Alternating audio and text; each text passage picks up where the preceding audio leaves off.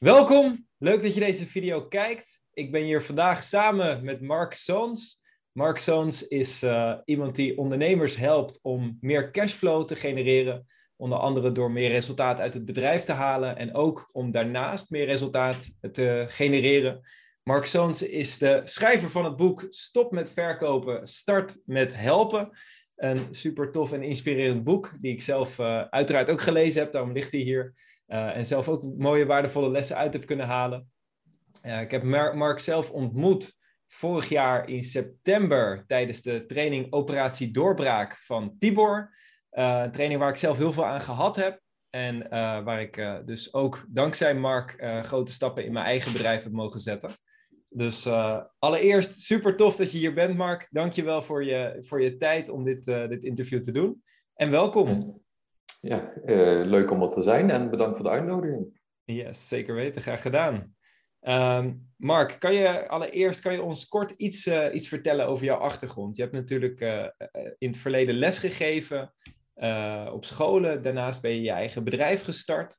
Hoe, hoe was voor jou een beetje die, die, die eerste start van het ondernemen? Ja, kijk, ik, ik, ben opgegroeid in een ondernemersgezin. Uh, mijn, uh, mijn ouders hadden vroeger een, uh, een café. Hmm. Dus ik ben echt letterlijk op de, op de bartafel grootgebracht. En ja, van kinds af aan zat ondernemerschap zat gewoon bij ons in de familie, in het bloed. En, mm. wat, ik heb eigenlijk spelenderwijs geleerd wat ondernemen is. en dat, dat is eigenlijk altijd mijn hele leven blijven achtervolgen.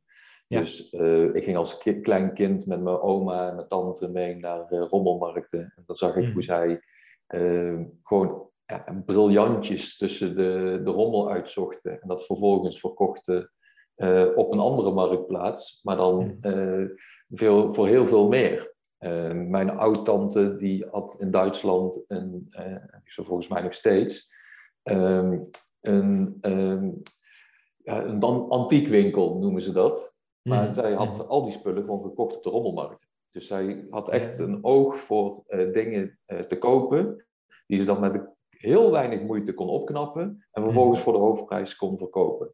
En um, dat, dat is iets wat ik als kind heb gezien, van hoe je eigenlijk met weinig moeite heel veel waarde kunt toevoegen voor een ander. En, ja. en ja. Wat, als kind heb ik het al uh, geleerd met producten en later ja. ben ik het gaan doen met diensten dus toen ik eh, zelf eh, puber was, ben ik naar de hotelschool gegaan. En heb ik daar geleerd hoe je eigenlijk uh, door dienstbaar te zijn ook weer heel veel waarde kunt toevoegen in het leven van mensen. Mm -hmm. en ik vond het mooi om dat ook aan andere mensen over te dragen. dus zoals je al zei, onderwijs. Ik ben tien jaar lang docent ondernemerschap geweest op het MBO. Mm -hmm ik heb eigenlijk niks meer gedaan dan mensen uh, van ja, echt jonge, enthousiaste uh, jongens en meisjes, ergens tussen de 16 en de 24, die een eigen zaak zouden willen beginnen, om ze te laten zien hoe, eigenlijk, uh, hoe je dat dan moet doen.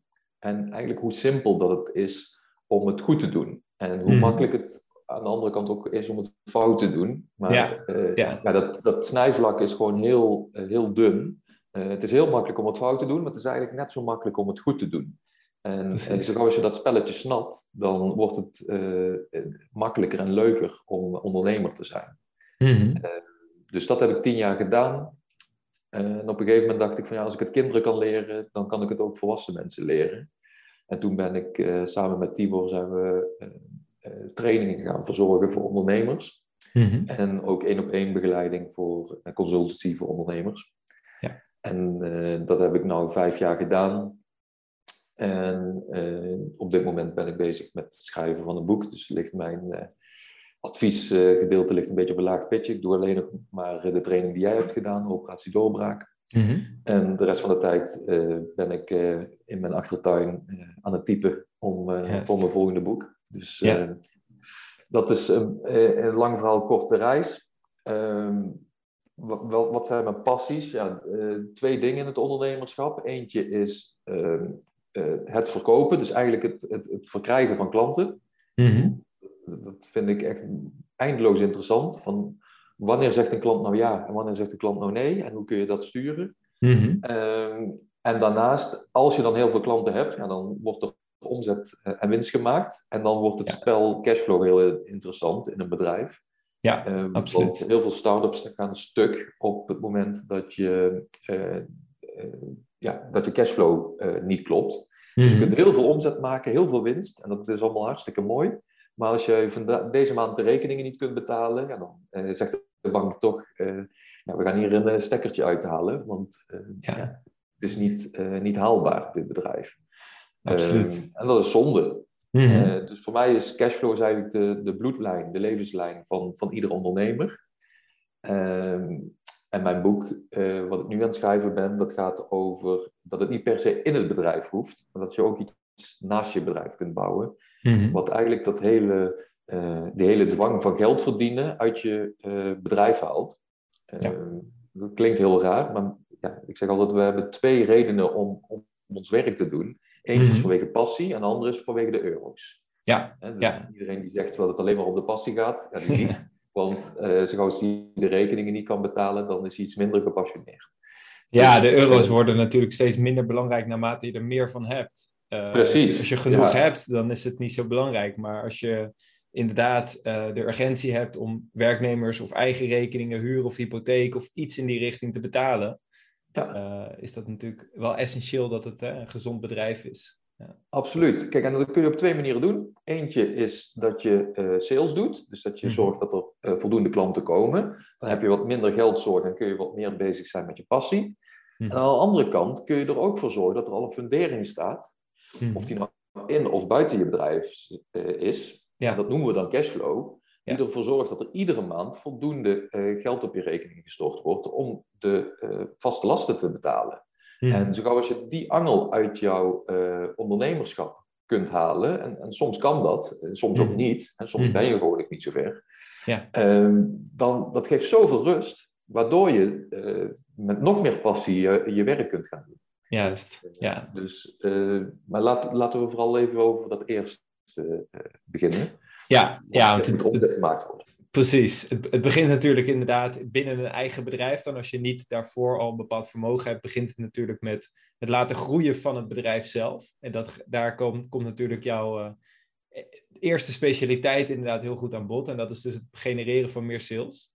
Ehm, en allereerst even kort, eh, hoe heb je dat zelf geleerd? Ik weet dat je in het boek het onder andere hebt geleerd, of eh, niet in het boek, maar in het boek hebt benoemd dat je het onder andere hebt geleerd eh, toen je in de horeca werkte.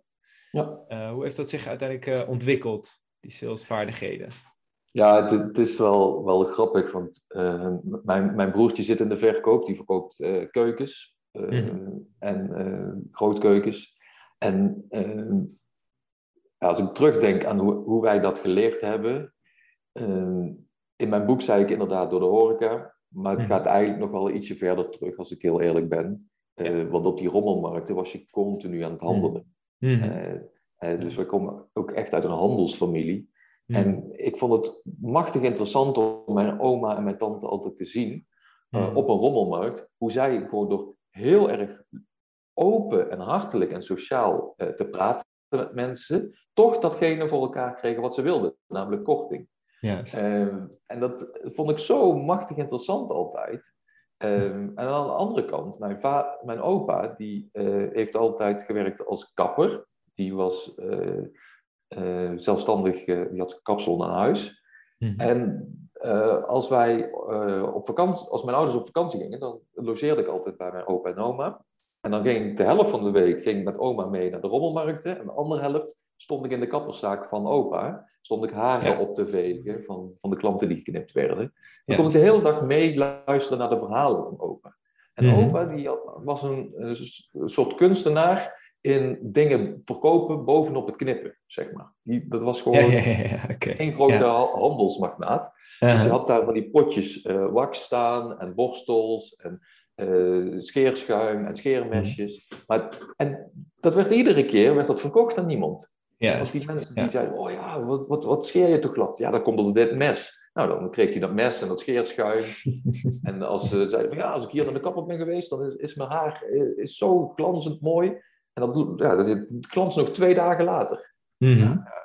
dat komt door deze brilcream. En dan had hij weer voor 7 euro voor een potje verkocht, terwijl hij dat voor 90 cent inkoopt. Ja, dat soort dingen allemaal. En dat, ja. ik denk dat die combi ervoor gezorgd heeft dat ik het, het snapte, maar het mhm. niet toepaste.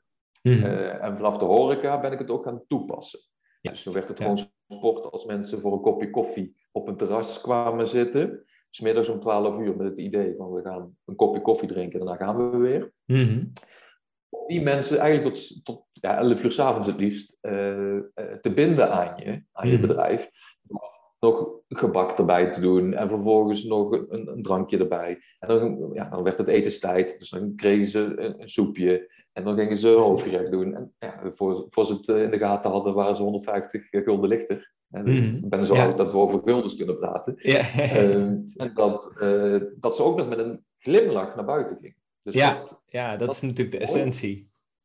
Ja, ja. en Tenminste, dat, was leuk. dat het de combinatie is. Ja, ja. ja, en dat was hartstikke leuk. Uh, als puber, dat je ja, mensen eigenlijk gewoon meer kon aansmeren dan ze zelf uh, van tevoren hadden bedacht. Dat ze mhm. ook nog tevreden naar buiten gingen. Dus dat ze ook terug wilden komen, omdat ze het zo leuk vonden.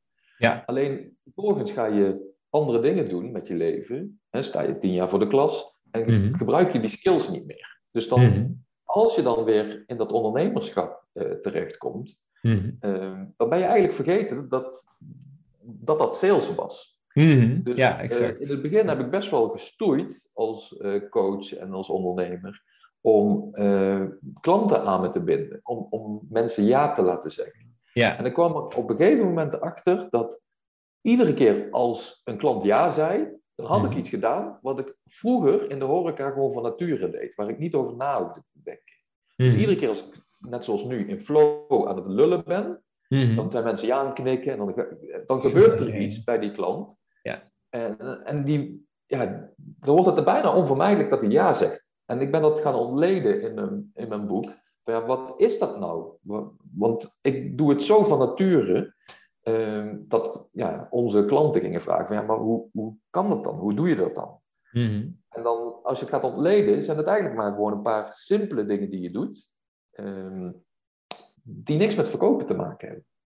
Dus alles wat je geleerd hebt over verkopen met scripts en, en, en overtuigen en uh, bepaalde vragen stellen.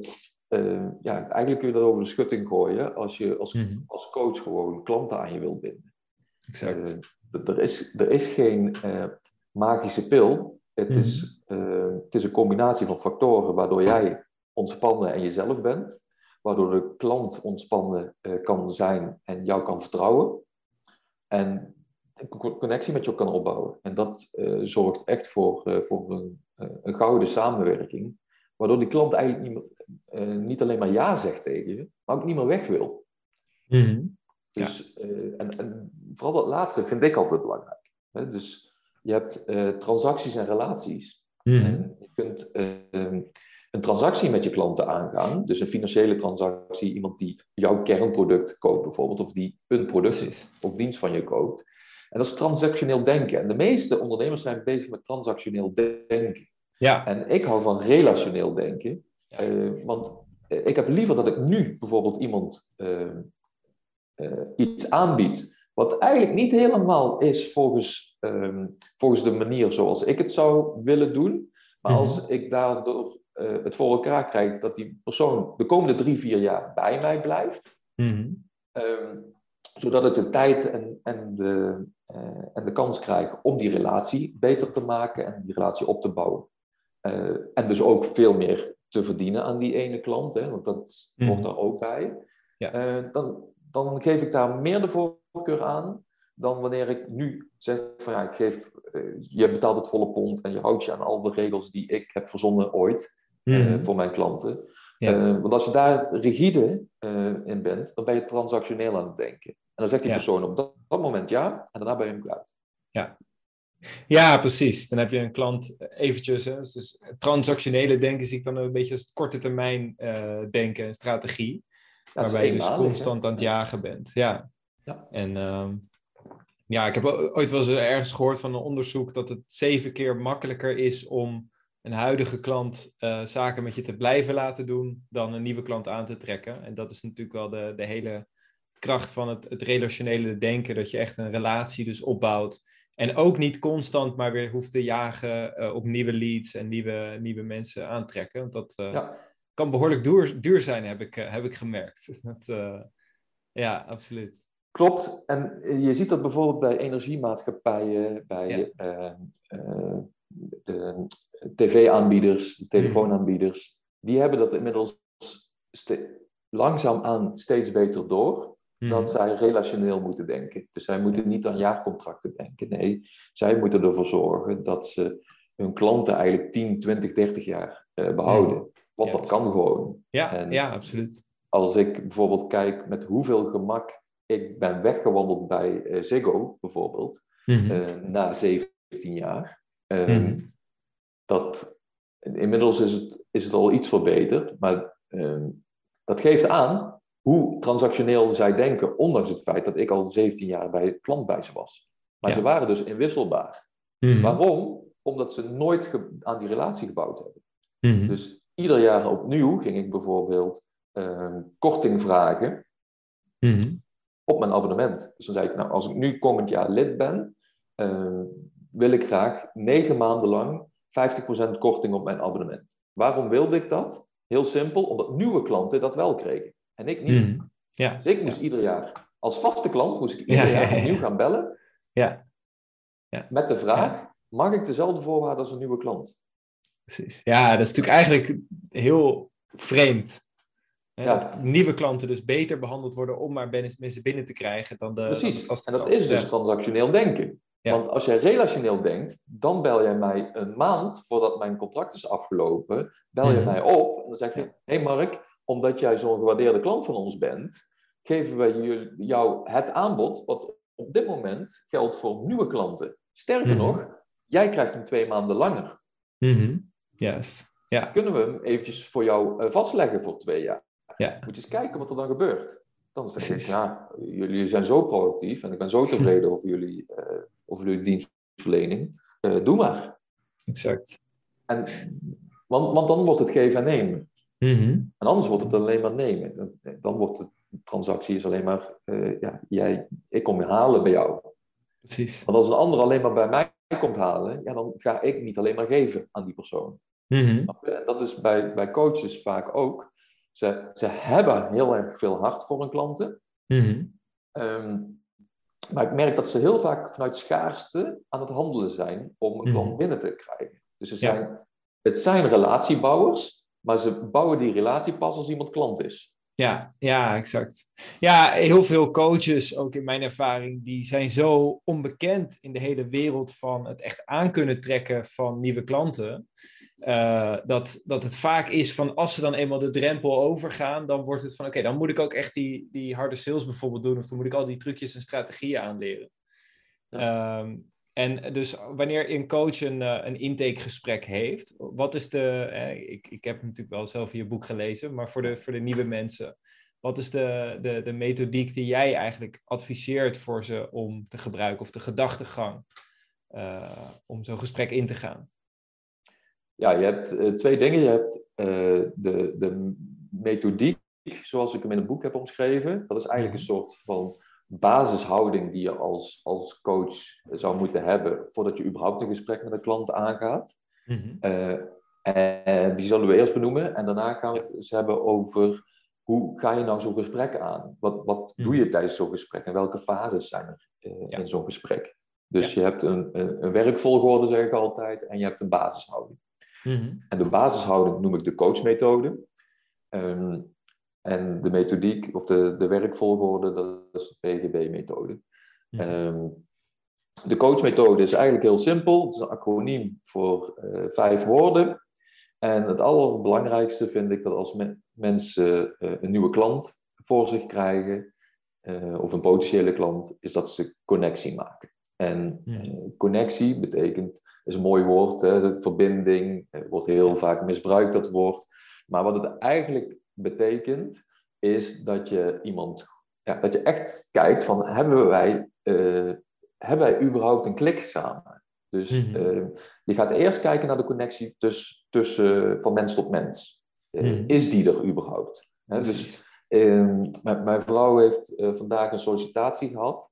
En ik weet gewoon, als jij een sollicitatie hebt, binnen één minuut weet je al mhm. of dit hem gaat worden of niet. Mm je? je weet al of je een klik met die persoon tegenover je hebt. Je weet of je die baan leuk gaat vinden. Je weet of je in het team gaat passen. Je weet echt al heel veel binnen een minuut. Ja. En dat is dus die connectie die er wel of niet is. Mhm. En het goede nieuws is dat als die er op dat moment niet is, dat je hem kunt herstellen, zeg maar. Je kunt, je kunt ervoor zorgen dat die connectie er wel komt. Je kunt op zoek gaan naar mhm. een connectie. Maar heel veel mensen hebben dit, dit punt al niet door. Dus die mhm. gaan al uh, richting verkopen of praten, terwijl er eigenlijk nog helemaal geen rapport, uh, zoals het bij, bij NLP volgens mij heer. Uh, ja, klopt. Ja, ja de, de T wordt ook niet uitgesproken, maar dat is rapport noemen we het dan. Maar ja, ja, zeker. Ja, maar dat is, die connectie, die moet je eerst wel zien, te, zien te krijgen. Um, en Ehm, als we het hebben over connectie, vind ik het ook belangrijk. Ehm, maar dat is vaak later in het gesprek pas. Maar dat moet, die moet in je achterhoofd zitten vanaf het begin van, uh, van het gesprek. Is de connectie tussen jou, ehm, je klant en hetgene wat de oplossing is voor, voor zijn of haar probleem. Mm dus jouw product of dienst. Ja, ja, en ik merk heel vaak dat mensen in een eerste gesprek die connectie zelden maken. Dus ze hebben heel gezellig gepraat met, uh, met die potentiële klant. En ze hebben uh, gepraat over problemen. En, en, waarvoor ze daar zijn. En wat ze graag zouden willen. En mhm. dat, hebben we allemaal ooit geleerd. Hè? We kijken naar het probleem. En, en we praten over de, de verlangens en de oplossing. Mhm. Ehm, maar wat ik vaak mis, is dat als ik... Want ik zit wel eens bij uh, gesprekken. En nou met al die Zoom-calls uh, kan ik gewoon mijn beeld uitdoen. En kan ik meeluisteren met, met klanten van mij, hoe zij verkoopgesprekken doen. Nou, mhm. ik snap dat het af en toe spannend is, maar mensen vergeten volledig om een eigen product of dienst te koppelen aan, aan het probleem. Dus om hem mhm. letterlijk te benoemen, oké, en dat is precies waarom wij dit gesprek hebben. Want mijn oplossing, mijn product of dienst, is precies hetgene wat jij nodig hebt voor, om dat probleem op te lossen. Die, dat, dat, dat ene zinnetje mis ik gewoon vaak al in, in zo'n gesprek. En dat moet al standaard in je achterhoofd zitten. Dan heb ik een connectie, heb ik een klik met deze persoon. En snapt die persoon dat mijn productaanbod een oplossing mhm. is voor het probleem dat die persoon heeft. Ik dus kan me helemaal voorstellen dat je inderdaad in zo'n intakegesprek zelf misschien ervan uitgaat van ja, we, we gaan dit gesprek aan. Het is logisch voor de klant dat die koppeling er is. Maar als je niet dat bruggetje maakt, dat het gewoon, ja, iemand kan niet zelf die koppeling zomaar maken. Nee, dus, en er zijn, ik maak het nog regelmatig mee dat mensen gewoon de website niet eens hebben bekeken. Dus die hebben gewoon mhm. een intakeformulier ingevuld of een social media post gezien en mij gewoon uh, gecontact. Mhm. en, die weten eigenlijk helemaal niks van het bedrijf. Dus dan moet je echt altijd, uh, om, om te beginnen, een beetje toetsen van waar zit iemand en dat is ook die connectie van ja, waar zit iemand in het verkoopproces? Ja. Ik heb wel eens verkoopgesprekken van één minuut. Dan zeg ik, ben je klaar om te kopen? En dan zegt iemand, ja, ik heb al besloten. Ja, ja, ja, en dan hoef je de rest allemaal niet meer te doen. Dan zeg je alleen maar hoeveel het kost en uh, wat ze vervolgens moeten doen om te betalen. Ja. En dan, uh, die op de training, snap je? Ga je, dus- ga je dan zo snel naar de deal toe? Hoe, hoe, hoe, hoe weet je dat? Is dat in het intakeformulier van tevoren dat het al gelijk duidelijk is? Of is dat in één minuut al... Nee, uh... nee maar ik stel gewoon dan de vraag van... Uh, zijn we vandaag al klaar om te kopen? Soms zie je het gewoon bij iemand die, die komt ja, er binnen en die is enthousiast. Zeg, ja. En dan zeg ik, waarvoor hebben we dit gesprek? Ja, ik wil graag een operatie doorbraak. Oké. Ja, precies. Ja, uh, heb je nog een vraag? Nee. Ja. Nee, Oké, nou dan zeg ik even hoe je de rekening toegestuurd krijgt. En wie, wie jouw aanspreekpunt is. Uh, ja. En succes. Ja, en that's it. We gaan elkaar zien. Dus dat, dat is ook, uh, soms moet je gewoon even peilen van waar zit iemand in dat, in dat mhm. verkoop- uh, of aankoopproces. Ja. Want soms heeft iemand al besloten, ja, dan kun jij met je, met je verhaal kun je alleen maar dingen stuk maken. Ja, ja, ja, ja precies. Dus dat is die connectie waar je mee wilt beginnen. Ja. Uh, Vervolgens ja, moet je wel even kijken, van zijn er nog obstakels voor die mhm. klant voordat hij een besluit kan nemen? Dus uh, wil die persoon over het probleem praten? Hè, de O van obstakels. Wil, uh, is er een probleem? Willen ze over het probleem praten? Uh, kunnen we dat probleem zo diep mogelijk uitdiepen? Want hoe groter het probleem is, hoe groter de prijs voor de oplossing mag zijn. Hè? Dus mhm. mensen geven klein geld uit aan kleine problemen en geven groot geld uit aan grote problemen. Ja. Dus als iemand zegt, ja, nee, dat is een klein probleem, ja, dan mhm. is jouw oplossing niet zoveel waard. Mhm. en dat is ook iets wat een coach vaak niet snapt. Dat als standaard zeg, zeg ik, als ik een probleem heb, het valt wel mee. Natuurlijk, hè? want het is mijn probleem en ik wil helemaal niet tegen jou vertellen dat dat een heel groot probleem is. Precies. Het is echt niet dat ik tegen een wildvreemde ga zeggen, ja, en, uh, uh, ja ik, uh, mijn leven is echt helemaal naar de kloten en ik voel me mhm. verschrikkelijk en ik heb er wel 100.000 euro voor over om, om dit op te lossen. ja, precies. Zeker. En zeker natuurlijk. Die zegt van ja, het valt wel mee. Ja, ja, absoluut. En zeker... ik, ben al, ik ben al van alles aan het doen om het probleem op te lossen. Dat zeg ja, ja, ja, Terwijl als je daar doorheen prikt en je zegt van nou, vertel eens eventjes, wat is er precies aan de hand? Wat is de reden waarom we dit gesprek hebben? En dan hoor je de obstakels en als je daarop doorvraagt, dan mhm. hoor je vaak hoe groot dat probleem is. En als je daarop doorvraagt, dan denk je, wow, dat is echt een gigantisch probleem. En dan mhm. voelt die klant ook van, jeetje, dit is inderdaad een groot probleem. Want alles is emotie. Het is niet feitelijk, het is emotie. Ehm, en dat, daar kun je gewoon heel veel winst halen door die obstakels bloot te leggen bij, ja. bij de klant. Dus de O van obstakels. En dan hebben we de A van aantrekkingskracht. En misschien nog heel, nog heel eventjes... Uh, misschien nog heel even een kleine pauze bij, bij, bij de obstakels. Is denk ik ook een hele belangrijke dat je wat ik heel vaak zelf in ieder geval zie bij coaches, is dat ze dan de obstakels al gelijk willen oplossen. En, en zelf heb ik ook heel vaak die neiging gehad. Ehm, en dan is het denk ik heel belangrijk, in ieder geval, dat is mijn visie, hè, dat, dat, dat je in één gesprek kun je vaak nog niet alles gaan oplossen.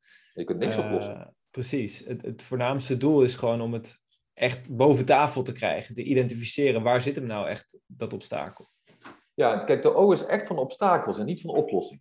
Uh, De mhm. oplossing is jouw product of dienst die je aan het verkopen bent. Dus mm een van de grootst, meest gemaakte fouten van coaches en trainers, omdat het hun natuur is, mhm. is als een klant bij hun komt en ze praten over een probleem, dat ze gaan praten over de oplossing. Of, mhm. of ze, ze, proberen die mensen te helpen. En ik zeg altijd, je kunt mensen, je hebt een intakegesprek en je hebt een product of dienst. En een intakegesprek heeft als doel om iemand klant te maken. Als je iemand gaat helpen tijdens je intakegesprek, dan wordt het een coachsessie. Mm en dan moet hij of meer betalen, of gaan mhm. betalen, want heel veel mensen doen de intake gratis. Wat ik mhm. sowieso afraad, maar dat, dat is een heel ander verhaal. Uh, maar je kunt mensen pas helpen als ze, als ze klant zijn. Ja. Dus jouw primaire doel in een intakegesprek is niet om mensen te helpen, maar om ze klant te maken, want dan kun je ze helpen. Precies. Dan kun je ze helpen. Je kunt iemand niet in een intake van 30 minuten helpen. Mhm. Want anders zou jouw product uh, overbodig zijn. Ja, ja, ja, precies. Iedereen weet dat je mensen niet in een half uurtje kunt helpen. Nee, exact. Uh, het, wat je eigenlijk doet is heel gemeen. Namelijk, je geeft mensen het gevoel dat je ze geholpen hebt. Ja, ja, ja. Ze komen met een paar leuke inzichten weg. Ja, ja, precies. oh, super goede inzichten, dankjewel. Ik ga het zelf proberen. Ja, exact. Uh, er gebeuren twee dingen als jij mensen aan het helpen bent in een intake. Namelijk één, ze, hebben, ze denken dat ze jouw product of dienst niet nodig hebben. Dus mhm. dat is, dat is al uh, vergissing nummer één. Mhm. En twee, je hebt ze een goed gevoel gegeven. Ja. Wat heel slecht is, want iemand heeft een groot probleem en het probleem is niet opgelost. Ja. Dus dat is echt, het is eigenlijk heel gemeen om iemand te helpen tijdens een intakegesprek. Mm Terwijl wij denken dat we het goed doen, maar we doen het echt heel slecht dan. Want uh, je, je geeft iemand korte termijn een goed gevoel, terwijl die een gigantisch probleem heeft dat opgelost moet worden, dat jij ook nog eens kunt oplossen met jouw mhm. product of dienst. Ja. Uh, en die persoon komt daar niet meer, want die denkt, oh ja, nou, ik, ik heb nu even een fijn gevoel, ja, ja, dus ik ga het eventjes alleen proberen. Vast herkenbaar voor de luisteraars die ooit intakegesprekken hebben gedaan en die klant hebben geprobeerd te helpen met oplossingen of met suggesties. Want die klant zegt gewoon, dankjewel, oh, dit is geweldig. Mhm. Ik ga het even zelf proberen. Snap je? Dus die heeft een fijn gevoel gekregen, heeft niet gedacht van, oh, dit, dit is een groot probleem, dit moet ik nu oplossen. En hij denkt dat hij het zelf kan. Wat mhm. natuurlijk een grote leugen is, want anders had hij dat intakegesprek niet gevoerd met je. Dus dat is gewoon zonde. Uh, want je stuurt eigenlijk gewoon een klant weg door hem ja, zogenaamd te helpen, wat je uh, ook nog eens niet hebt gedaan. Dus uh, verlies voor beide partijen, zeg ik altijd. Ik geloof dat dit echt zo'n belangrijke andere manier van denken is. Hè? Dat we denken dat we iemand helpen door te willen helpen. Terwijl het eigenlijk inderdaad, wat je zegt, heel gemeen is. Ja, je helpt de klant door een klant te maken. Precies. Daar help je mee. Ja, ja daar heb je je product voor, voor ontwikkeld, waar je jaren mee bezig bent. Of in ieder geval maanden om iets te maken waar je mensen echt mee kan helpen. Ja, ja. ja. Ik, ik, vind het altijd makkelijk met cijfertjes, zeg maar. Hè? Dus uh, life mhm. coach is vaak wat abstracter. Maar al, mhm. stel, je bent een financieel coach. En jij mhm. helpt mensen om uh, met, met een vermogen en, en ze kunnen tien jaar eerder stoppen met werken als ze met jou uh, drie maanden hebben samengewerkt. Ja. Dus Stel dat je zo'n coach zou zijn. En jij geeft tijdens het intakegesprek, uh, geef jij vier tips, waardoor ze alvast kunnen beginnen met beleggen. Mhm. Vervolgens gaan zij het zelf doen en zijn ze mhm. nog steeds tien jaar langer aan het werk. Ja, ja, exact. Nou, Jij hebt geen product of dienst verkocht en zij hebben nog steeds hetzelfde probleem. Maar ze denken dat, dat het probleem is opgelost. Super zonde natuurlijk. Heel pijnlijk mhm. ook voor beide partijen.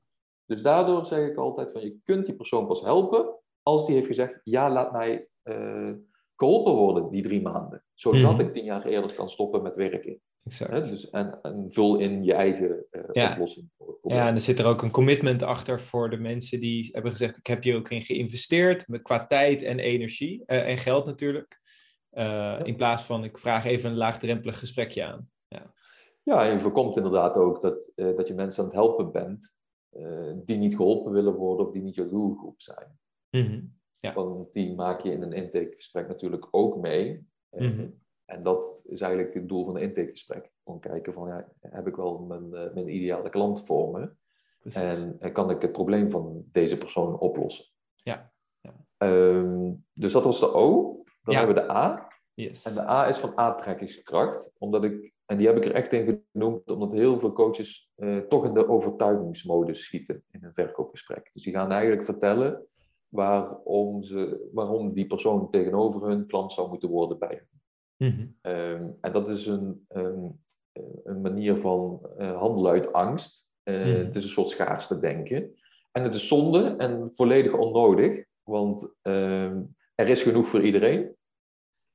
En uh, dat, daar geloof ik echt in. Er is echt meer dan genoeg uh, werk voor iedereen. Er zijn genoeg mensen op deze aardbol die geholpen willen worden door, uh, door jou als coach.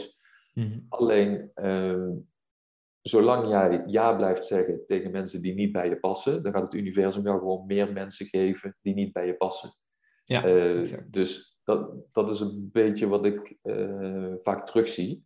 Mm. Omdat mensen eigenlijk de verkeerde doelgroep aan het overtuigen zijn om klant te worden, uh, krijgen ze gewoon meer van die verkeerde doelgroep. Uh, en wat je juist wilt, is aantrekkelijk zijn voor de juiste doelgroep. Voor de doelgroep mhm. die jij het beste kunt helpen en ook wilt helpen. Ja. Ehm, en het allerbelangrijkste, die ook geholpen wil, willen worden door jou. Mhm. Ehm, dus het is veel handiger om aantrekkelijk te zijn voor jouw ideale klant, dan om jouw niet-ideale klant te overtuigen dat die klant bij jou moet worden. Mm en ik snap dat, zeker in het begin, is dat best wel lastig. Uh, als jij iedere klant en iedere euro goed kunt gebruiken. Mhm. Maar ik kan jou beloven, als jij drie maanden, drie maanden is niks in een ondernemersleven, maar als jij drie maanden lang zorgt dat jij ergens voor staat, hè, dat jij heel duidelijk bent over welk type klant jij wilt bedienen, en dus ook mhm. nee verkoopt met liefde eh, tijdens intakegesprekken, uh, waar jij gewoon merkt van ja, dit is, dit is niet mijn ideale klant. Ik kan jou uh, misschien wel helpen, maar ik wil je niet helpen. Of ik kan je niet helpen, want jouw probleem is te groot of niet het probleem dat ik oplos. Mm dan zul je merken dat er iets heel bijzonders gebeurt in je leven. Namelijk dat je meer van de juiste mensen op je pad uh, vindt. zonder daar heel zweverig over te doen. Mhm. Maar dat is gewoon feitelijk gezien hoe het werkt. Omdat jouw ogen worden gewoon geopend voor de juiste mensen. En dan ga jij je zien. En zo gauw als jij ergens voor staat en dat spreekt, uitspreekt, mhm. dan gaan de juiste mensen gaan zich aangesproken voelen. Ja. Dus ja. Ehm, ik ben iemand die uh, heel veel praat en uh, een bepaalde stijl heeft van, van doseren en van dingen overbrengen aan iemand. En ik weet zeker, 99% van de mensen die mij horen, vinden het helemaal mhm. niks wat ik doe. Dat weet ik 100% zeker. Hmm. Eh, maar die ene procent die het wel tof vindt en denkt van, oh, dit, is, dit resoneert echt bij mij. Ja. Dat is mijn ideale klant. Precies. Die 1% die wil ik bedienen. Ik wil niet 100% van, van de mensen bedienen in Nederland. Ik wil Ja. die 1% bedienen. En iedere coach zou dat ook moeten doen. Gewoon voor die Exact. 1% die echt helemaal net zo wappie is als jij, of net zo gek is als jij, net zo leuk is of saai of wat dan ook. Die Precies. lacht om zijn eigen grappen, of die eh, juist geen grappen maakt omdat hij dat gewoon eh nat dan vindt of eh, een beetje dom vindt overkomen. Maar ieder mens is anders. En zo gauw als jij weet van, oké, voor die ene procent ben ik, dan wordt het heel makkelijk om aantrekkelijk te zijn voor die ene procent. En dan Absoluut. kun je die andere 99% met een glimlach afwijzen, Ja. zodat er ruimte komt voor die ene procent. Ja, precies. Ja, dat is zo'n belangrijke en dat je die ruimte inderdaad ook houdt. Want dat is, nou ja, wat je, je, je begon, je begon dit stuk over inderdaad het schaarste denken. Eh, dat als je nog niet genoeg klanten hebt, dat vaak, dan is de, ja, de, de natuurlijke gedachte, oké, dan moet ik maar iedereen gaan aanspreken en iedereen willen helpen.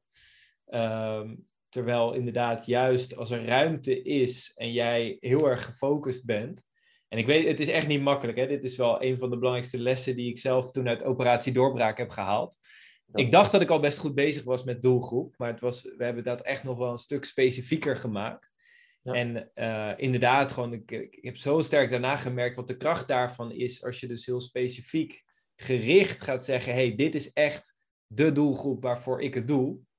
Ehm, dat je daardoor in één keer ma- ja, magnetisch aantrekkelijk wordt eigenlijk voor die doelgroep. Ja, wat logisch is ook, hè, Pim, want eh, Mhm. ik, ik vergelijk, ik, denk echt in relaties. Hè? Voor mij is Mhm. sales is niet verkopen, nee, is het bouwen van een relatie. Ja, ja, ja. En als, ehm, als jij vrijgezel bent en je bent op zoek naar een partner, Ja. ehm, ja, dan kun je zeggen, ja, ik val op, ieder, eh, Ja, op alles wat ademt, snap je? precies. Ja, ja, voelt niemand zich aangesproken. Ja, snap je? ja. Maar jij weet Nee, ook niet waar je moet kijken. Ja. Je weet niet waar je, waar je die, ja, het, het moet vinden. Als je dan gaat zeggen, nou, ik val op vrouwen, nou, dan ben je al ietsje specifieker, snap je? Ja, 50% van de bevolking. ja. Maar dat is nog vrij breed, hè?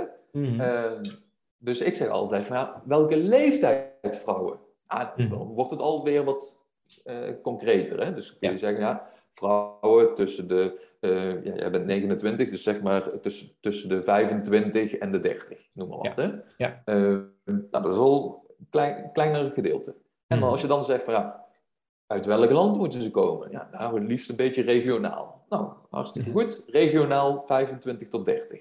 Welke kleur ogen moeten ze hebben? Welke kleur haren moeten ze hebben? Dat wil niet zeggen dat je dus iedereen die eh, niet blond is afwijst. Maar het gaat erom dat je een beetje een feeling hebt met hoe Mhm. ziet mijn ideale eh, doelgroep eruit? Ja. Hoe ziet mijn ideale relatie eruit? En ehm, ja, ik weet Nee. nog dat ik, eh, ik ben tot op mijn dertigste vrijgezel geweest. En Mhm. ik heb, ik had een heel specifiek beeld van, van wie ik in mijn leven wilde hebben als eh, partner later. Ja, ja. Eh, later werd nu, op het moment dat ik die persoon zag. Mhm. En tot mijn dertigste riepen al mijn vrienden, die al getrouwd waren en twee kinderen hadden, van, hey, moet je je lat niet eens verlagen? Snap je? Mhm. Want Ja, je ja. bent te specifiek. Juist. En ik zeg altijd, je kunt nooit te specifiek zijn.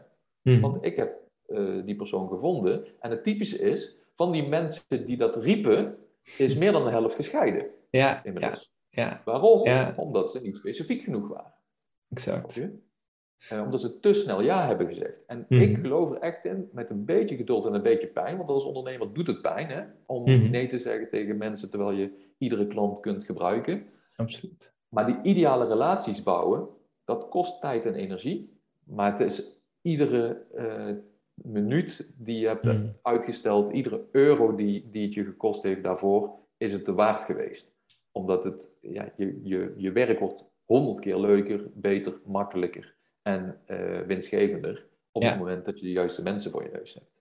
Ja, absoluut. Ja, heel mooi gezegd. Ik, ik moet zelf ook denken, als je het hebt over daten, to- toen ik zelf nog vrijgezel was, dat als je dan inderdaad een dame ontmoet, dat het heel anders is om te zeggen, nou, eh, ik heb zin vanavond, eh, kom je mee naar huis? Of dat je zegt, hey, eh, hè, ik, ik, ik ben wat, wat strenger, wat selectiever, ik wil echt kijken of we een goede klik hebben en je, je komt echt vanuit het perspectief van, hé, hey, ik ben niet zomaar, uh, ik ga niet zomaar met iedereen mee naar huis of op date of uh, kopje koffie drinken of whatever.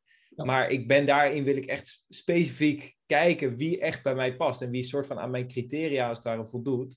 Dan word je in één keer een stuk aantrekkelijker. Zeker. Ja, met klanten werkt het natuurlijk precies hetzelfde. Dat op het moment dat je uh, zelf een bepaalde criteria hebt en zegt: hé, hey, ik ben echt specifiek gericht op. Ik, eh, ook hè, voor mezelf, dan toen ik Operatie Doorbraak ging volgen, was het voor mij een heel grote pre. Dat ik wist, hé, hey, we zijn ook echt met een club ondernemers die allemaal goed bezig zijn. Zodat we ook met elkaar kunnen sparren en ook van elkaar weer heel veel kunnen leren. Ja. Dus, uh... ja, dat is super belangrijk. En wat je nou net als voorbeeld heel mooi uh, gaf, uh, dat is e-, echt de vorm van aantrekkingskracht. Hè? Dus je pakt alles in één keer samen door te zeggen van ja, um, ga ik meteen met iemand naar bed of zeg ik, nou ik wil eerst even kijken of je lange termijn materiaal bent voor me. Mm ja. dat is zoals ik het verkopen ook zie. Je kunt zeggen van hé, hey, laten we meteen een product aan elkaar slijten. Ja. Uh, dus eh, product of dienst. Dus dan ben je toch wel een beetje aan het overtuigen. Of je zegt van nou, weet je, laten we eerst eens even rustig de tijd voor elkaar nemen. Even kijken of dit goed bij je past. Um, of ik goed bij jou pas en jij goed bij mij past. En of we hier een uh, goede samenwerking uh, mee kunnen bouwen. Als je op die manier um, een gesprek ingaat, mm. veel meer ontspanning, dat hoor je al, hè, en hoe dat hmm. gaat. Plus veel meer aantrekkingskracht. Want die ander die denkt, jeetje, die persoon probeert me niet eens iets te verkopen. Nee, die is lange termijn aan het denken. Wat, wat heerlijk, wat een ontspanning. Ja. Ja. Dus jouw klant ontspant ook. En een ontspannen klant, die koopt veel makkelijker. Dus dat, eh, die zegt veel makkelijker ja. Dus dat is ook nog eens een groot voordeel. En als we dan daarop voortborduren, wanneer zegt iemand ja tegen je? Ja, als hij je gelooft. Dus als jij congruent bent, hè, dus de, eh, de C, tweede C, is congruentie. Als jij iets zegt en uh, jouw klant gelooft wat je zegt, mhm. ehm, en dat komt meestal doordat het waar is wat je zegt, laat dat, dat even opstellen, ja. Ja, ehm, dan, uh, dan wordt het een fijner gesprek. En dan merk je ook mhm. dat het veel makkelijker is om iemand, uh, om, om, om een klant erbij te krijgen. Want als ik tegen jou een of ander lulverhaal nou ga ophangen over, uh, ja, ik heb 500 miljoen omzet gedraaid uh, door mhm. mijn sales skills. En je ziet gewoon dat het niet waar is. En ja, het is nou eenmaal zo, mensen zien het. Ja, ja. Mensen, mensen kunnen in de mail zien wat je intentie was om, om die mail te schrijven. Dat, mm. We hebben daar gewoon een zesde zintuig voor. Ja. Als jij een verkoperige mail stuurt naar iemand, zin 2 heeft hij het al door. Mm hoe, je ook, hoe lang je erover nagedacht hebt, over welke woorden je erin zet. Ja. Maar mensen zien de intentie. Ja. alles is energie. Dus het is heel, heel, mooi hoe dat werkt. Congruentie is gewoon geloofwaardigheid. Ja. Dus geloven mensen nou werkelijk wat, dat jij 1300 mensen hebt geholpen? Hè? Ik zie heel vaak mensen, al 1300 mensen geholpen als coach. Dan denk ik van, oké, okay, mhm. één op één 1300 mensen helpen. Hoe oud ben je? 100 of zo? Ja, ja, ja, ja, ja, precies. Uh, je, je, telt alle mensen die je gratis e-book hebben gedownload mee. Ik snap het. Maar ja. Uh, ik heb liever dat iemand zegt 37 één op één klanten geholpen met vijf sterren ervaring. Dan mhm. denk ik, wow, congruent, super eerlijk. En ja. ik wil een van die 37 zijn. Want het is ook nog een select aantal. Precies. Als ik door, bij een coach kom die 1300 man heeft geholpen, dan denk ik, ja, dan ben ik een nummertje. Mm Snap je hoe dat brein, brein werkt heel. Um, ja. En wat ik natuurlijk van nature doe, en, ik kan over schoenlepels praten en dan geloven mensen me nog. Um, maar dat moeten mensen, vind ik echt een vereiste. Als iemand coach is, mm hartstocht. De, de laatste letter van de coachmethode. Je moet echt passie hebben voor, voor hetgene wat je uh, uh, verkoopt. En het stomme is, mensen geloven vaak heel erg in wat ze doen, maar niet in mhm. wat ze verkopen. Dus, ja, ja, ja, dus, ja, maar, ja. Uh, de, de prijs eh, vinden ze bijvoorbeeld zelf te duur, dus daar zit geen passie achter. Precies. Als ik iets verkoop, als ik operatie doorbraak uh, verkoop, vind ik het een no-brainer. Ik vind het 10k waard en het kost 5000 mhm. euro. Dus mhm. als ik met een klant praat, ik praat vaak niet eens over de prijs en mensen hebben al ja gezegd. Waarom? Omdat ik zo 100% ervan overtuigd ben dat het het beste is wat ze kan overkomen als ondernemer, ja. Ja. Dan, Dat, ja, voor mij is het een no-brainer, dan wordt het voor de klant ook een no-brainer. Alleen als ik denk van ja, 5000 euro is wel veel geld, ergens in mijn systeem mhm. zit dat dan. Ja. dan gaat de klant ongetwijfeld met dat verhaal komen. Ja, dat is wel veel geld. En dan kan je die persoon ook nog gelijk geven, want jij vindt het ook veel geld. Ga je niks meer verkopen. En dan kom je in een soort van cyclus. Ja. Want dan wordt het ook in één keer heel veel geld. En als je dan, tien mensen hoort die dat ook zeggen, ga je het zelf steeds meer geloven. Daardoor doe je zelf ook minder omzet. Wordt het ook voor jezelf veel meer geld. Dus, dus als iemand in zo'n, in zo'n cyclus zit, hoe creëren ze meer uh, dat geloof voor zichzelf en die hartstocht? Ja, om te beginnen door een prijs te kiezen waar ze zelf in geloven. Dus hm. ik zeg, je bent de coach, dus jij bepaalt zelf de prijs. Uh, als jij nog geen, ik zeg altijd, als jij geen 1000 euro coach bent, je bent daar gewoon nog niet, hm. vraag geen 1000 euro. Vraag 500 euro en, en verkoop gewoon meer. Ja. En maak meters. En zo gauw als jij eh, de volgende klant hebt en je denkt van ja, 500 durf ik wel te vragen, dan durf ik mhm. ook wel 600 te vragen. Nou, dan vraag je gewoon 600 aan de volgende klant. Ja. Dan ga je net zo lang door, zolang het comfortabel voelt. Zolang jij mhm. volledig gelooft in, in datgene dat jij verkoopt. In die prijs, in, in de tijdsduur, in de energie die jij erin steekt, in de oplossing die je daar eh, brengt. Je moet erin geloven. Als er mhm. één onderdeeltje is waar jij niet in gelooft, dan gaat die klant dat merken, kan je gewoon minder verkopen. Precies. Ja. En dat is ook waarom wij... Wij zijn ooit begonnen met 3000 euro voor operatie doorbraak een paar jaar geleden. Mhm. En dat is van 3000 naar 3,5 naar 4. Om, om, iedere keer als wij 16 tevreden klanten hadden met 5 sterren reviews, ja, dan mhm. konden wij zeggen van kijk, iedereen is tevreden. Dus uh, en ze vonden het wel 10.000 euro waard. Nou, wij geven, we maken er geen 10 van, we maken er 4 van. Precies. 4,5 of 5, snap je? En dan roept nog steeds iedereen dat het 10.000 euro waard is. Dus Absoluut op dat punt, en dan hebben we het nu over doorbraak, maar het gaat om de wijn die ik ooit verkocht heb, om de coaching trajecten, om uh, e-boekjes en, en leefstijlprogramma's. Ik heb zoveel dingetjes uh, uh, gedaan en verkocht en ondernemingen geholpen.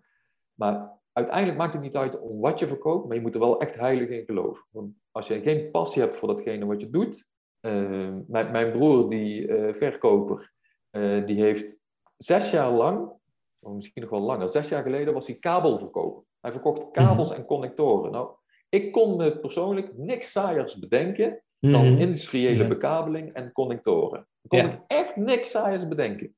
Maar, en hij in principe, toen hij begon, ook niet. Snap je? Precies. Maar hij had gewoon ja. van, ik, eh, ik, ik wil graag een kantoorbaan en ik wil wat stabiliteit in mijn leven. En horeca is toch altijd s'avonds en weekenden. Dus ik mhm. wil een kantoorbaan. Hij is helemaal in die kabels en connectoren uh, gedoken. En als ik op donderdagavond met hem naar de bioscoop ging, kon hij zo gepassioneerd over connectoren en kabels praten, dat ik zelfs kabels en connectoren wilde kopen. Ja, ja, ja. ja, ja. dat is dus gewoon iets. Uh, dat is geen kunst, want ik, mhm. ik dacht dat vroeger altijd, van dat is een kunst. Nee, dat is gewoon je huiswerk doen en erin geloven. Je, als jij voldoende voorbereiding hebt in, in hetgene wat jij doet en aanbiedt, mm dan word je er vanzelf blij van. En als je er niet blij van wordt, ga alsjeblieft iets anders doen. Ja, precies. Ja, dat, dat is natuurlijk ook de, de, de kracht van echt zeker weten dat je een heel goed product hebt.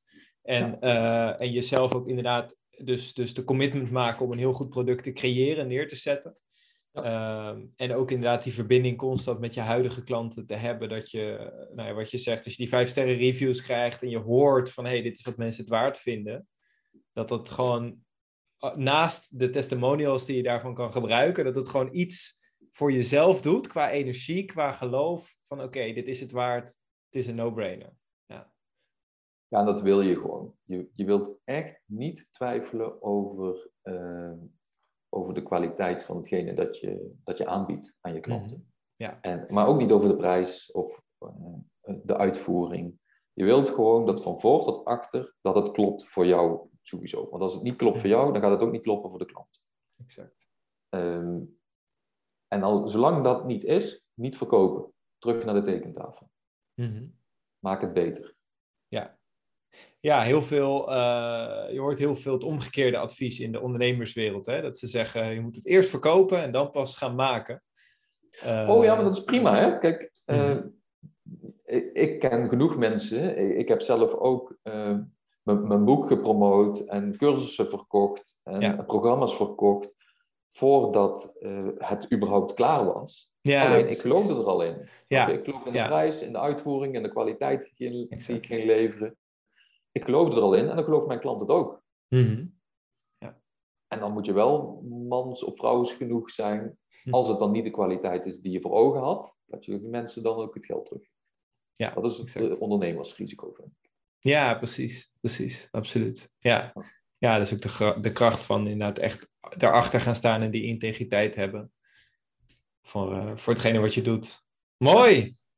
Ja, ik, geloof, eh, ik geloof zeker dat, dat deze, eh, deze vijf stappen, uh, maar niet alleen, eh, het, zijn vijf stappen, dus het is een heel mooi, simpel iets om te kunnen onthouden, maar ook echt de filosofie die daarachter zit. en de hele levenshouding eigenlijk die daarachter zit, dat het coaches echt wel een heel stuk verder helpt. Ehm, en een wereld van verschil maakt. Ja, precies. Kijk, de coachmethode is in principe heel, heel simpel als je hem omarmt. Hè? Dus maak connectie, leg obstakels bloot, mhm. zorg dat je aantrekkelijk bent in plaats van overtuigd. zorg voor congruentie, dus dan, je, jij moet het geloven en de klant moet het ook geloven. Mhm. En zorg voor hartstocht. Hè? De passie is, is gewoon heel belangrijk. En als je die vijf dingen onder controle hebt, dan wordt het gesprek wordt al een stuk makkelijker. Mm als je dan ook nog eens de PGB-methode toepast, ja, dan heb je goud in handen. Hè? Dus uh, eh, PGB-methode, heel in het kort, drie fases in, in een verkoopgesprek. Uh, los van de koetjes- en kalfjesfase, die iedereen sowieso altijd doet. Mhm. Ehm, je wil het probleem blootleggen eh, van de klant. Nou, dat is met die obstakels doe je dat al. Mhm. Eh, je wil het probleem groter maken, dat is de G. Hè? Dus je wil de gevolgen van het probleem wil je goed uitdiepen. Dus je wilt echt goede vragen stellen tegen je klant. Uh, dat uh, jou een, een, beeld geeft van wat zijn nou de gevolgen van het probleem. Mhm. Dus om een simpel voorbeeld te geven. Als iemand um, life coach is en heeft een potentiële klant voor, voor zijn of haar neus en die zegt van ja, um, ik, wat is het probleem? Ja, nou, ik heb het niet zo naar mijn zin naar mijn werk. Ik ben al vijf jaar bezig met dat werk en het begint een beetje een sleur te worden. Mm Oké? Nou, dat klinkt als een klein probleem, snap je? Ja, uh, ja absoluut. Beetje een sleur. meer plezier maken in je werk of ga iets anders zoeken. Hè? Dus ja. het lijkt iets heel simpels. Um, maar als je doorvraagt op dat probleem, hè, je maakt het probleem groter, de gevolgen van het probleem, um, dan zou je dus vragen kunnen stellen als: Oké, Ehm, en wat doet dat met jou als mens? Ehm, dat mhm. jij dus ehm, ja, een beetje in die sleur terechtgekomen bent. Ja, ik slaap heel slecht. En daardoor ja, ben ik ook ongezond aan het eten. Uh, maak ik vaak ruzie met mijn partner. en ja, ben ik ook aan het snauwen naar, naar mijn moeder die iedere dinsdag komt eten. Noem maar wat. Mhm. Oké, als je nou ieder ding wat hij nou net heeft gezegd afzonderlijk gaat uitvergroten, als je daar mhm. afzonderlijk over begint, dus je begint over die partner. Oké, hoe is het voor je partner dat jij zo tegen haar snauwt? Hoe is het voor je moeder dat uh, die één keer per week bij jou bezoek komt? Ja, ja, die wil eigenlijk al niet meer komen. En die partner, oh ja, die, uh, die wil bij me weg. Uh, en dan kun je het probleem groter en groter en groter en groter maken. Tot op een punt dat, dat eventjes niet zo naar mijn zin hebben op mijn werk, is op een gegeven moment je gezondheid gaat er aan onderdoor, de relatie met je moeder gaat er aan onderdoor, je, ben, je vrouw wil, of je vriendin wil bij je weggaan, de hond vind je niet meer aardig, mm. ja, en, ja. en je, je hebt geldproblemen en ja. je bent ontstoken. Ja. Ja. Nou, dan heb je dus in één keer een heel groot probleem, als je dat goed samenvat. Hè? Mm. je dus, we hebben dit gesprek omdat dit allemaal bij jou speelt. Mensen zijn daar vaak niet eens bewust van, hè? dat er een soort spinnenweb aan consequenties verbonden is aan één obstakel. Ja, dus als je dat in kaart brengt voor ze, dan, heb, dan hebben ze in één keer een groot probleem. En dan zien ze in één keer voor hun neus van, wow, dit is een groot probleem. Mhm. Help mij voor de oplossing, snap je? Ja. Ja. Want anders zeggen ze, ja, ja, ik, ik heb een klein probleem, kun je me eventjes met, uh, met arbeidsbemiddeling uh, helpen of zo? Of mm -hmm. kun je me meer werkplezier geven? Terwijl nu is het in één keer, ja, mijn relaties en mijn gezondheid en mijn uh, zingeving is helemaal naar de knoppen. Help hmm. me. Snap je? Dan, dan is jouw oplossing van 1000, 1500, 3000 euro in één keer een no-brainer. Terwijl als, als hij alleen maar over het probleem had gepraat, Ja, dan had hij gezegd van ja, ik vind het wel veel geld hoor. Want ja, ik kan zelf ook wel besluiten of ik moet stoppen met werken of niet. Snap je? Mhm. Dus dan wordt het in één keer. eh, plus, omdat het een hele batterij aan problemen is, kan die niet meer zeggen: ja, ik vind het wel veel geld om dat ene probleem op te Nee, die hele batterij moet opgelost worden. Exact. Dus dat helpt. En eh, de laatste fase is de behoeftefase. Eh, Mhm. Dus die- ze hebben grote problemen, ze hebben eh, grote gevolgen, die problemen. Maar als je dan ook nog goed in kaart brengt van wat zij nou het allerliefste zouden willen, en dat kun je, Mhm. dat kun je dus ook helemaal uitdiepen van hoe moet de wereld eruit zien als het traject klaar is, maar ook Mhm. hoe word jij het liefst geholpen? Word je het liefst één op één geholpen of in een groep? Word je het Ja. liefst, snap je? Dan kun je alvast de behoeftes bepalen en dan kun je dus ook matchen of dat wel iets is wat jij kunt aanbieden. Snap je? Dus door de behoeftes te bepalen kun je zeggen van nou, ehm, dit bieden wij er niet aan of dit bieden we wel aan. Dus je kunt heel goed bepalen of er dan een match is in dat gesprek. Mhm. Terwijl eh, heel vaak willen mensen verkopen, hun idee verkopen of een oplossing verkopen. Terwijl Ja. ik zeg, nou ga maar eerst die behoeftes bepalen. Waar hebben mensen nou behoefte aan? Ja. Als ja, als het dan een aansluiting is, is het natuurlijk veel zijn. krachtiger. Ja, Ja, want Ja. het is veel krachtiger om te zeggen, nou, deze 15 dingen, die kunnen wij voor jou regelen. En die ene, dat kan niet. Mhm. exact. En, want dan zeggen mensen, oh, oh, 15 van de 16 kunnen jullie regelen voor mij. Wat top! Ja, wat is ja. Wat, Ja. Dus zo heb, en dan heeft iemand al 15 keer ja gezegd tegen je. Dat is Precies. namelijk ook wat je dan krijgt. Dat 15 keer wordt iemand die zegt, oh, zou je het fijn vinden als? Ja, dat vind ik fijn. Oh, Mhm. eh, wij doen vaak eh, één op één sessies. Vind je het fijn als dat eh, bij ons live op kantoor is? Ja, dat vind ik geweldig. Snap je? Dus dan krijg je Mhm. heel erg dat iemand een soort van een hype krijgt. Van, oh, maar we gaan dit samen doen en ik heb er zin in en het is leuk en het gaat precies zoals ik het wil. Hè, want mijn Yes. behoeftes worden vervuld. En wij Mhm. mensen zijn gewoon behoeftevervullers voor onszelf. Mhm. Eh, ook voor anderen, maar veel meer voor onszelf. Ja. Ehm, dus als jij behoeftes van andere mensen bepaalt, dan krijg je weer die connectie die, eh, die, waar we naar op zoek waren. Precies. Dus de PGB-methode is super krachtig om eh, mensen in, in allerlei fases door een gesprek heen te leiden. Dus goed Exact. probleem blootleggen, de gevolgen goed in kaart brengen en als laatste ervoor zorgen dat je heel goed weet wat hun behoeftes zijn. De, de behoeftes is ook verwachtingenmanagement. Dat er nooit Mhm. als mensen ja hebben gezegd, daarna zeggen ja, ik had echt verwacht dat, eh, dat we eh, 15 sessies op locatie zouden doen. Eh, Mhm. Ja, nee, precies. Je wil dus gewoon heel zuiver in kaart brengen wat hetgene is wat jij kan vervullen en wat hetgene is Ja. wat je niet kan vervullen. Ik denk dat dat ook wel wellicht een van de redenen is dat zo weinig mensen het eigenlijk maar doen. Want als ze denken, hey, als ik maar over mijn eigen product praat, dan weten mensen in ieder geval, hè, dan heb ik heb ik in ieder geval niet dat mensen bepaalde behoeftes geven waarvan ik dan niet daaraan kan, eh, kan voldoen, bijvoorbeeld. Ja, en het mooie is juist, eh, het is helemaal geweldig als je Mhm. aan, aan- niet aan behoeftes kunt voldoen. Want daarmee geef je dus duidelijk aan, eh, Mhm. in tegenstelling tot, hé, hey, ik wil met je naar bed, eh, geef je heel duidelijk aan, ik ga voor de lange termijn relatie. Ik ben open en eerlijk over wat mijn sterkte en zwaktes zijn.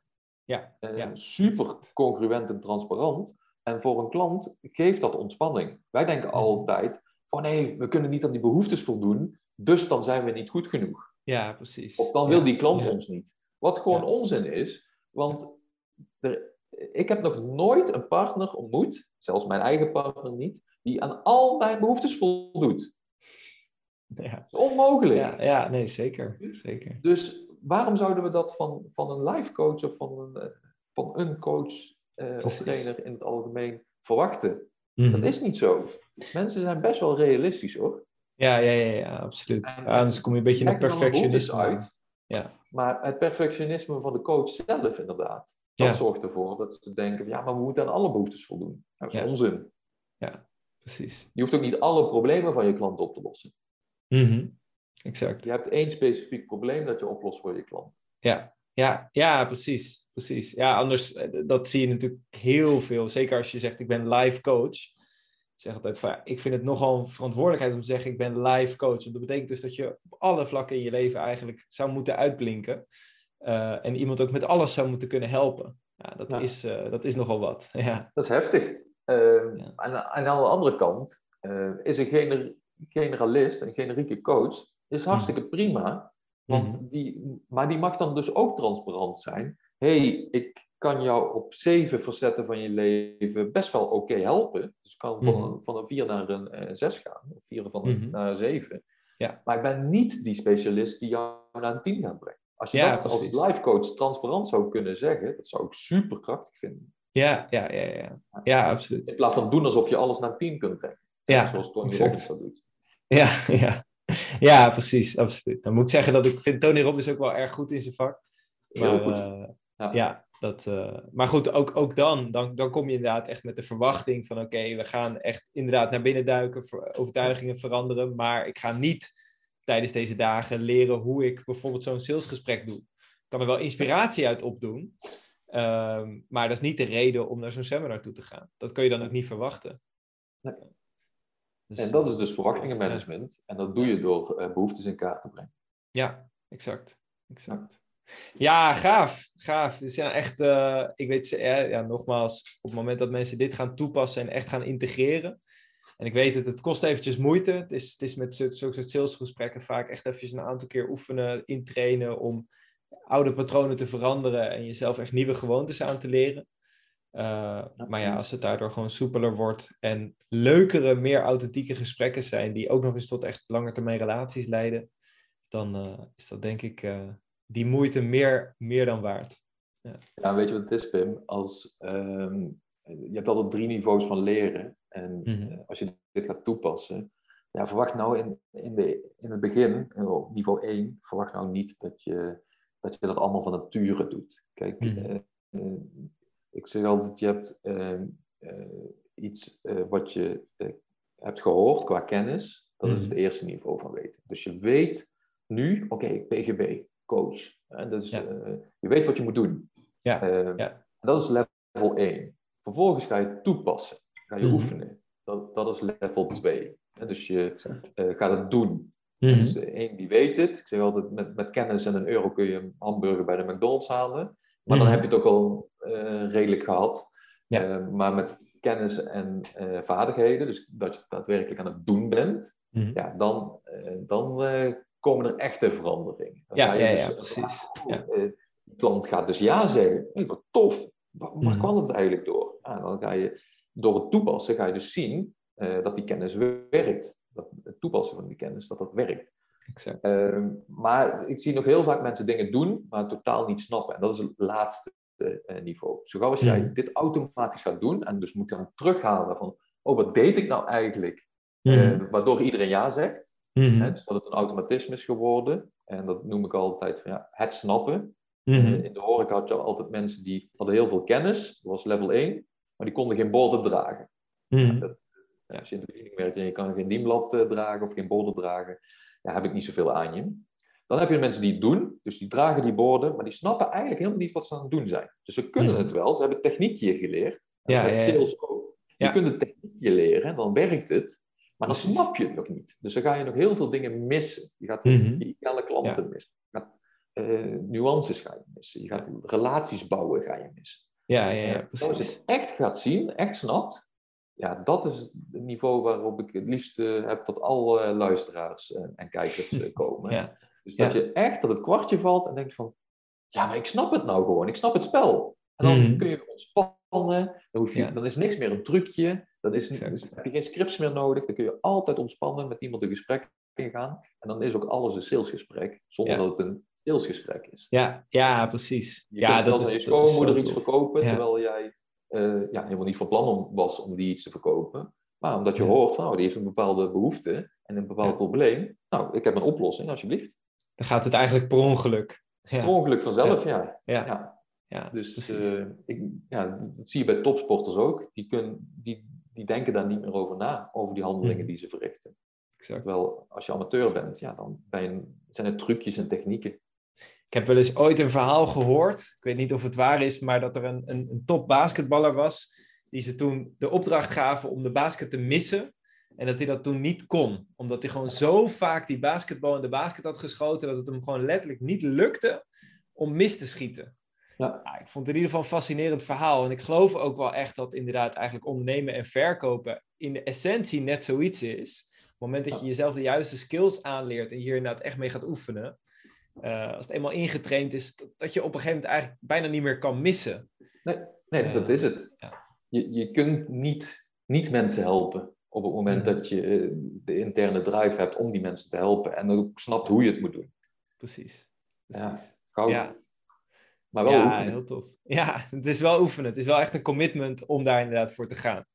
En ehm, daarvoor natuurlijk, als mensen dus uh, hier meer over willen weten. Ik weet dat één heel mooie stap die mensen kunnen nemen is natuurlijk je boek lezen. Ik weet dat, uh, dat hij op dit moment uh, op hoe noem je dat? spiegelbeeld zichtbaar is. Dus hier staat stop met verkopen, start met helpen. als mensen dit boek willen hebben, hoe kunnen ze het krijgen? Ja, ze kunnen het altijd kopen bij bol.com natuurlijk. en bij alle grote boekhandels. Um, maar uh, ik vind het ook wel leuk om een paar uh, van die boeken weg te geven. Mm. Dus als een van de kijkers het, uh, denkt van nou, ik wil hiermee aan, aan de slag, het lijkt me tof, mm-hmm. dan kunnen ze iemand taggen in een reactie onder de video's, waar ze het ook kijken, of dat nou YouTube of Facebook is. En even een leuke reactie eronder beschrijven waarom ze dat, dat boek zouden willen hebben. En dan kiezen wij er een paar mooie uit, Pim. Exact. En dan sturen we het boek naar ze op. Precies, dat gaan we zeker doen. Dus tag iemand onder deze video. en daarnaast, dus hey, je tagt iemand anders en daarnaast geef je in de beschrijving waarom jij dat boek graag zou willen hebben, wat jij eraan zou kunnen hebben.